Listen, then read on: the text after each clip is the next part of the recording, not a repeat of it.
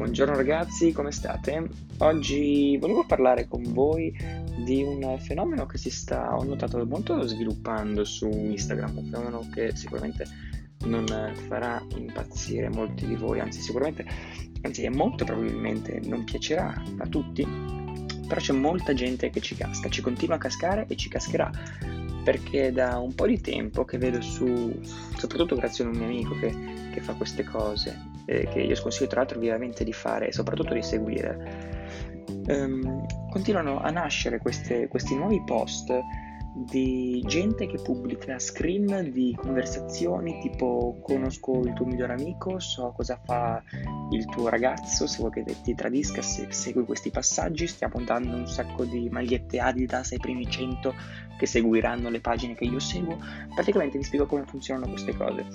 Io utente medio vado da questa pagina che può avere dai 1000 ai 500 ai 10.000 seguaci chiedo a questa pagina, possiamo fare una collaborazione? Questa pagina risponde, certo, facciamo questa collaborazione. Tu pubblichi un post sul tuo Instagram dicendo di, e qui in questo post ci sarà praticamente una foto di 10 magliette Adidas e nella descrizione ci sarà scritto volete avere queste magliette Adidas gratuitamente? Allora andate a seguire la pagina che a cui stanno chiedendo la pubblicità ovviamente, no? che si chiama mm, Magliette Adidas gratis. È scritto quindi nella descrizione di questo post, tu devi pubblicarlo e c'è scritto volete queste 10 magliette Adidas? Andate a seguire Magliette Adidas gratis. E tutti gli step sono i seguenti. 1. Seguire Magliette Adidas gratis. Quindi questa pagina qua guadagnerà seguaci. Primo. Secondo step. Seguire tutti i profili che segue Magliette Adidas gratis che sono di solito circa una ventina di profili, tra cui ci sarà anche il tuo profilo, perché sarà ovviamente un win-win, cioè che vincerà loro, vincerà loro guadagnando followers, per, grazie al primo punto, fate seguire Adidas gratis, e guadagnerete voi, guadagnerà l'utente. Però come potete sapere sono dei, follow- dei followers che non, non, avranno nessun interesse, nessun legame con voi, non sapranno neanche chi siete perché vanno semplicemente in quella lista a cliccare su segui, segui, segui, segui, segui, senza neanche guardare il nome, neanche guardare la foto, neanche guardare il profilo. Quindi tra dieci giorni questi seguaci vi abbandoneranno, vi lasceranno, sicuro.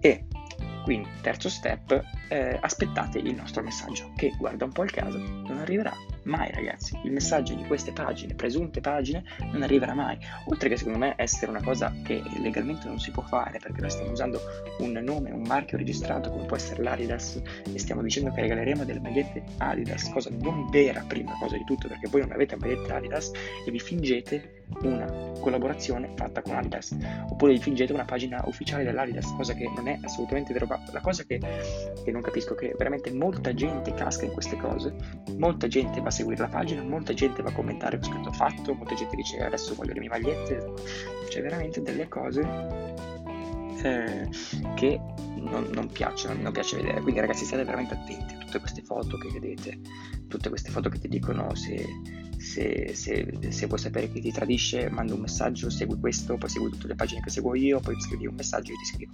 Sono delle cose assolutamente false. E poi qual è il business di queste pagine? Sempre che si possa chiamare business. Il business di queste pagine è crescere loro, perché ci sono sempre più persone che chiedono pubblicità queste, quindi queste persone che chiedono pubblicità devono pubblicare una foto dicendo di andare a seguire a loro volta di nuovo queste pagine guadagnano followers, arrivano, salgono, salgono ogni giorno 100, 100, 200, 300 seguaci, 400, 1000, 10.000, finché non arrivano a 10.000, 15.000 e puff, la pagina scompare e cambia nome. Cambia nome in, eh, magari nella persona, in una persona singola, che è l'admin della pagina. Tutto questo per guadagnare del seguito a se stesso. E ehm, questa cosa non va, cioè, va fatta, va fatta, può essere fatta, non è, non è un problema. Però non ha senso secondo me perché comunque la gente segue una pagina per avere ricambio qualcosa e poi si trova ad avere zero ricambio, non trova più la pagina e si trova a seguire praticamente una persona che fino a un giorno prima era regalo pagine, regalo magliette Adidas, adesso diventa tizio.caio chiocciola, eh, cioè 02, 05, 010 perché comunque sono gente piccola che fa queste cose oppure gente che ha veramente voglia di lucrare sopra queste cose. Io quindi il mio consiglio è non seguire, primo, non creare pagine del genere anche perché i follower che vi seguiranno saranno tutti falsi, non saprete chi saranno, a loro non fregherà niente di quello che fate, non gliene fregherà niente. È praticamente lo stesso principio di comprarli. Perché loro, mi spiegate come la gente che fino a un giorno prima si vede foto semplicemente di guarda come fare questo, guarda come fare quello, guarda come avere le magliette Adidas, il giorno dopo si vede la tua faccia. E dice ma chi è questo? E toglie il follow. Primo, un follower falso. Poi, secondo punto, i follower cominceranno a scendere, inizieranno veramente a scendere di numero. Questo perché ti seguivano prima, non gli hai dato la maglietta, questo qua è una delle regole del business, non dai al cliente quello che vuole, ciao, ti abbandona, ti lascia, capito no? Quindi questo qua è il numero 2. E il numero 3 è che veramente hai un pubblico non fidelizzato, un pubblico che non gliene frega niente eh, di quello che sei, di quello che fai.